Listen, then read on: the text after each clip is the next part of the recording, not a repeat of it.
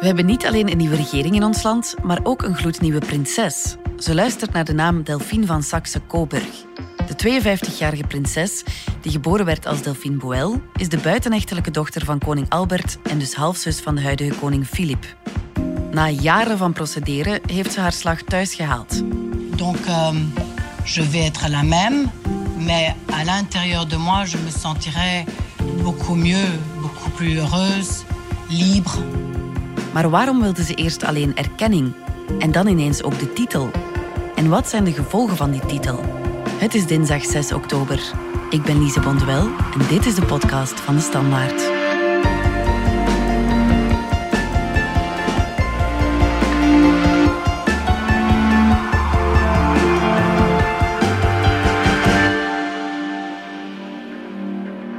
Het was journalist Mario Daneels die in 1999 de wereld op de hoogte bracht van het bestaan van een vierde kind van koning Albert. In zijn boek Paola verwees hij in één subtiel zinnetje naar het bestaan van Delphine. De ega's van de drie Leopolds en van Albert I mochten dan berusten in de buitenechtelijke kinderen van hun echtgenoot. Paola weigerde zich leidzaam neer te leggen bij de halfzus van haar kinderen. Het land stond meteen op zijn kop. Het was een zinnetje en het was een cryptisch zinnetje, um, omdat ik de informatie wilde brengen. Ik vond het heel belangrijk om de lezers niet te bedriegen.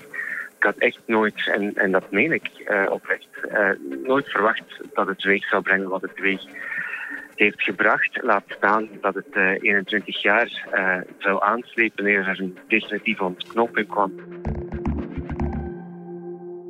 Veerle Beel van de Binnenlandredactie. Jij volgt al jaren de juridische perikelen omtrent Delphine Boel. Vertel eens, wat voor jeugd heeft ze eigenlijk gehad?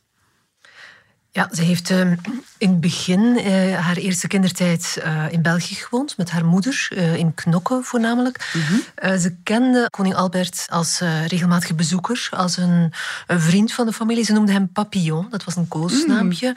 Mm. waarschijnlijk wist hij toen nog niet dat hij haar vader was, dat is haar later verteld. Maar er zijn foto's van koning Albert met de kleine Delphine. Ja, hij was wel aanwezig. Hij was zeker aanwezig in haar leven feit natuurlijk dat het boek veroorzaakt heeft dat er eigenlijk een breuk gekomen is tussen Albert en Delphine. Dus ze hadden contact, ze hadden het. Uh, er was de kerstkaart, er was de, de verjaardagskaart en, en, het geschenkje. En dat is opgehouden na het verschijnen van het boek. Wisten Philippe, Astrid en Laurent van haar bestaan af? Dat weet ik niet. We weten dat de ouders. Uh officieel wel in Belvedere woonden, maar iedereen kent ook de verhalen intussen van hoe dysfunctioneel eigenlijk eh, het huwelijk in elk geval was. En dat de kinderen ook regelmatig daar alleen zaten of met mm kinderoppas en zo.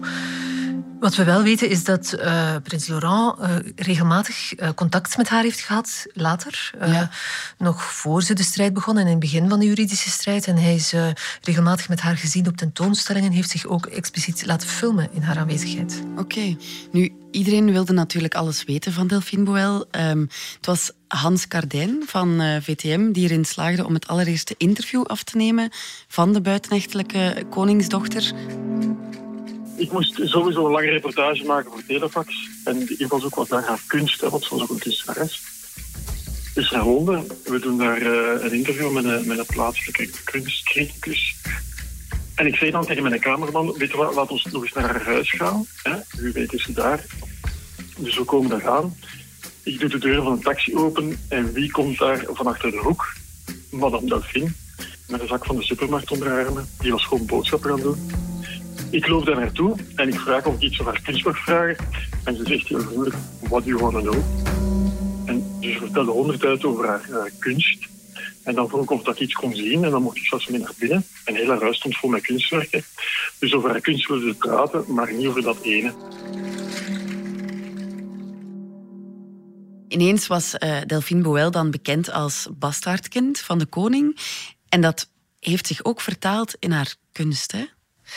Ja, dus daar kwamen ook steeds meer uh, tricolore uh, kleuren en, en, symbolen van de, van de monarchie eigenlijk in voor. Waarin ja. ze mee speelde ook eens een gigantisch mannekepis gemaakt. En uh, ja, allerlei rechtstreekse en onrechtstreekse verwijzingen eigenlijk naar haar afkomst. Ja, een soort van verwerkingsproces in haar kunst. Ja, zo zou je het kunnen zeggen. En ook een vorm van aandacht vragen, denk ik. Ja. Nu, op een gegeven moment vroeg ze niet alleen aandacht in haar kunst, maar ze zette ook juridische stappen. Ja, uh, omdat ze ook uh, formele erkenning wilde. En het was ook uh, op het moment dat Albert, koning Albert troonsafstand had gedaan, dat ze toegang had, dat ze een procedure tegen hem kon inspannen. niet vergeten dat hij in 2001 haar gebeld heeft om te zeggen: Jij bent mijn dochter niet. En dat, ze was 33, dat heeft er toen serieus ingehakt. Ja. Um, zij hoopte dat hij nog zou bijdragen. Zij vond geen toegang tot hem. En dan heeft ze besloten om juridische stappen te zetten en dat formeel af te dwingen. Mhm. Heeft ze het ooit voor het geld gedaan? Dat is wat veel mensen denken, maar zij zegt uh, nog steeds van niet. In principe wilde ze het ook eerst niet voor de titel doen. Ze wilde hem dwingen of uh, een, een, formele erkenning om die familieband uh, vast te stellen. en dan begin dit jaar eigenlijk heeft de koning dat formeel erkend, maar in, met een gort droge en eigenlijk ook een heel koud persbericht, waarin hij eigenlijk haar bijna verweet dat ze die zaak had aangespannen en zijn privacy geschonden had. Zijn majesteit koning Albert II heeft kennis genomen van de resultaten van de DNA-test die aangeven dat hij de biologische vader is van mevrouw Delphine Boel. Ook al bestaan er argumenten om de procedure in twijfel te trekken, toch heeft de koning beslist om zich niet langer te verzetten en in alle eer en waardigheid een einde te maken aan deze pijnlijke procedure. Sinds de geboorte van mevrouw Boel is de koning bij geen enkele familiale, sociale of opvoedkundige beslissing betrokken geweest. Hij heeft altijd de band tussen haar en haar legale vader geëerbiedigd. Meer dan 40 jaar later heeft mevrouw Boel zelf gekozen om die wettelijke band te beëindigen en van familie te veranderen. Deze lange en uiterst onaangename procedure getuigt van geen enkel respect voor het privéleven van de partijen. Dat was een samenvatting van dat bewuste communiqué waar je het net over had, Veerle. Een juridische overwinning voor Delphine Boel. Ja, maar uh, moreel was dat heel wat anders. Want uh, dat communiqué was dus inderdaad zo kil. Uh, zij zelf noemt het een mes in de rug. Het kwam heel hard bij haar aan.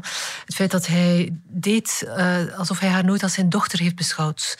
Mm -hmm. um, ze zei, ja, ik, wij wisten al langer uh, het resultaat van die DNA-test. Mijn advocaten en, en ikzelf hadden daar niets over gezegd, omdat we hem de kans wilden geven iets te doen.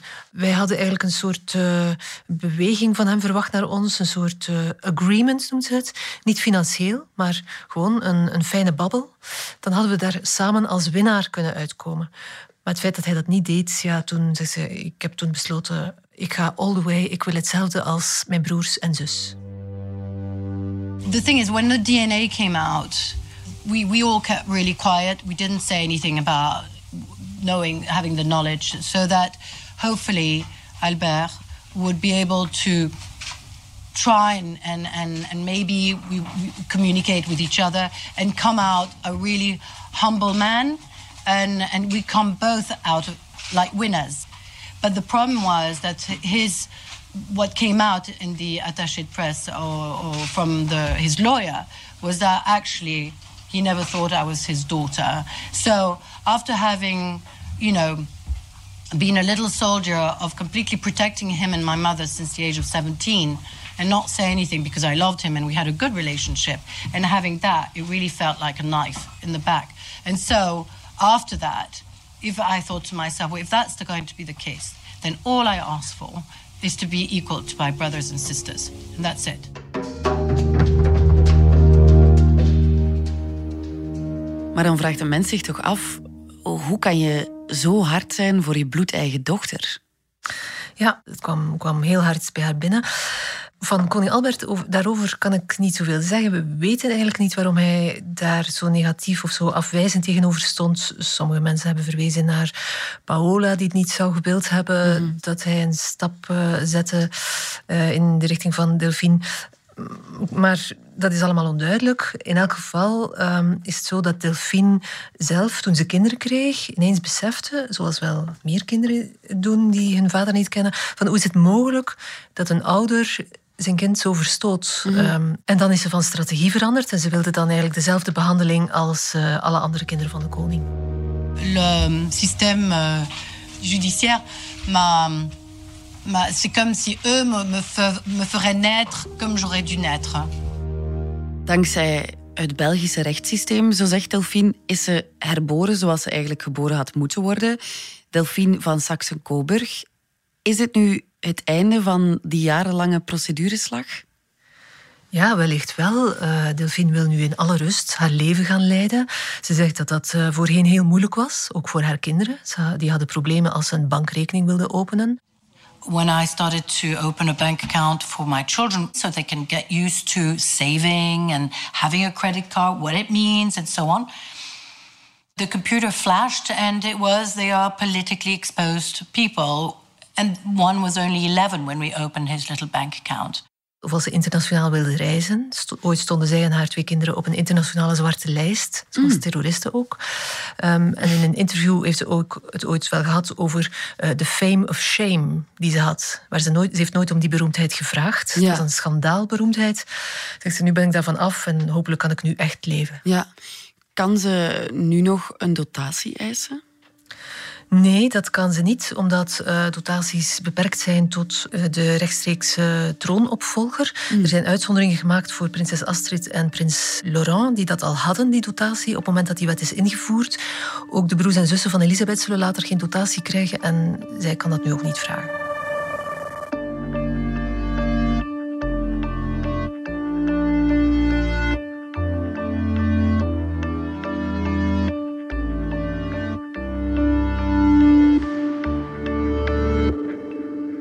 Welke sporen heeft deze hele zaak eigenlijk nagelaten? Kan je daar iets over zeggen?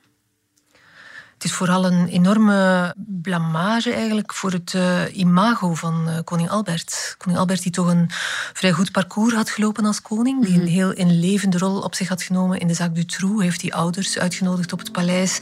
Hij heeft uh, weer vrolijkheid gebracht eigenlijk in het koningshuis. Mhm. Um, ja, hij was behoorlijk populair. En dan dit nooit hebben kunnen toegeven voor hij ertoe gedwongen werd door eh, de rechtbank. Ja, dat hebben veel mensen niet begrepen. Ook niet hoe hij een kind zo kon verstoten.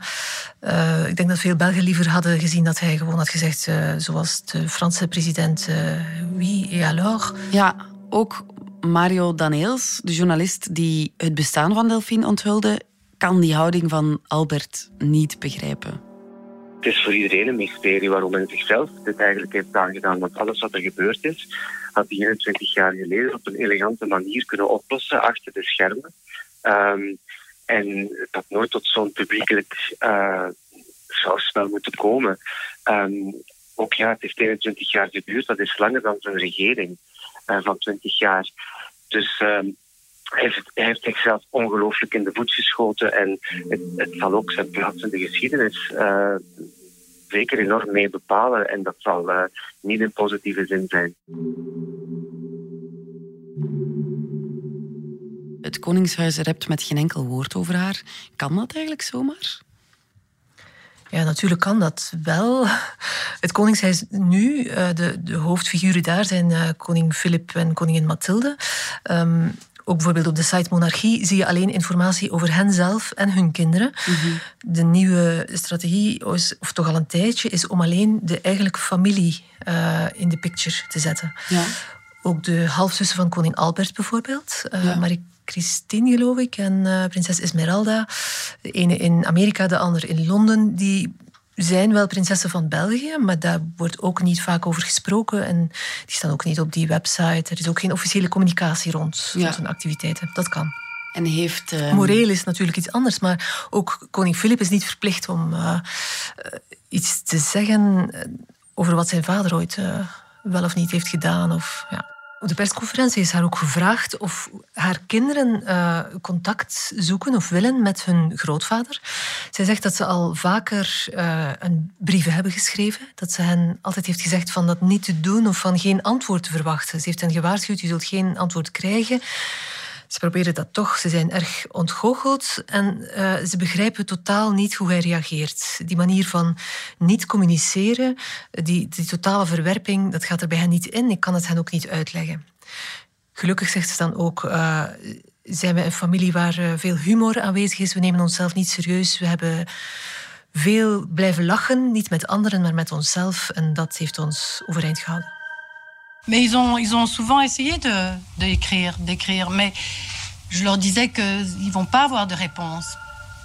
Ah, je vais pas leur dire, ils vont, je vais, pas, vais pas les décevoir. Je veux dire, euh, on, on, continue notre vie et on continue à, à grandir ensemble. Et, et, euh, et voilà, puis on verra dans le futur ce qui arrive. Gaat ze nu eigenlijk iets met die titel doen? Ja, ze heeft uh, in een interview in de krant um, zegt ze dat die titel eigenlijk geen voordeel is als kunstenares. Dat ze hem niet zal gebruiken. Ze was al kunstenares voor uh, ze de procedure startte. Ze was het al voor uh, ze bekend werd. Ze is opgeleid in een, aan een Londense school. Ja. Wellicht zal ze dat dus niet mee uitpakken. Ze zegt ook dat ze evengoed deze procedure zou gevoerd hebben tegen een vader die geen titel had. And I would have done exactly the same thing if my father was a zookeeper or even a, a criminal. Heeft het feit dat Delphine nu haar slag heeft thuisgehaald, heeft dat een impact op andere buitenechtelijke kinderen? Wel, uh, er schijnt al een uh, serieus Delphine-effect te zijn. Veel andere mensen die geen uh, wettelijke band hebben met hun vader, zoeken nu via de rechtbank toch een erkenning te ja. krijgen van die familieband. En zij is natuurlijk wel een groot precedent in de zin dat de bloedband uh, nu blijkt voor te gaan op de wettelijke band of op het Napoleontische recht dat zei dat de vader degene was die met de moeder getrouwd was. Ja. Maar nee, nu gaat de genetische of bloedband voor. Delphine heeft ook zelf gezegd dat ze een, hoopt dat ze een voorbeeld is voor alle andere mensen die op zoek zijn naar erkenning door hun biologische ouder. I'm very, very happy. And I'm even more happy that it's going to actually help other children in my situation. I mean, different because I'm a little bit of a particular, peculiar situation, but um, that makes me just incredibly happy. Yeah. Bestaat de kans dat zij ooit koningin wordt? Nee, die kans is uh, nihil. Uh, ten eerste komen er uh, heel veel personen voor haar. Mm.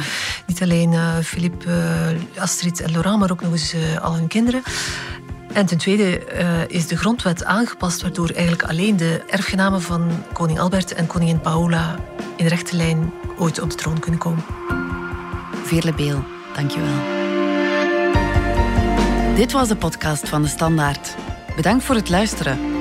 Alle credits vind je op standaard.be-podcast. Morgen zijn we er opnieuw.